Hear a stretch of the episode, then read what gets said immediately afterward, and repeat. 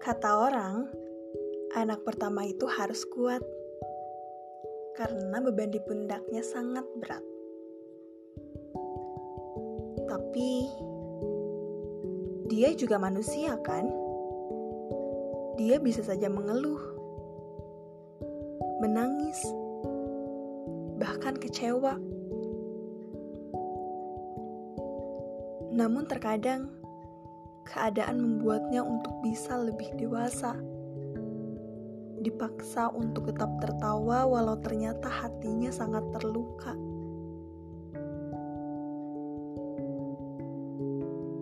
Dia seorang anak pertama, harus bisa menjadi contoh yang baik untuk adik-adiknya.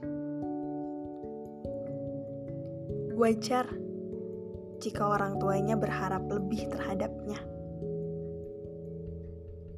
karena dia yang diharapkan pertama bisa sukses atas pola didik orang tuanya.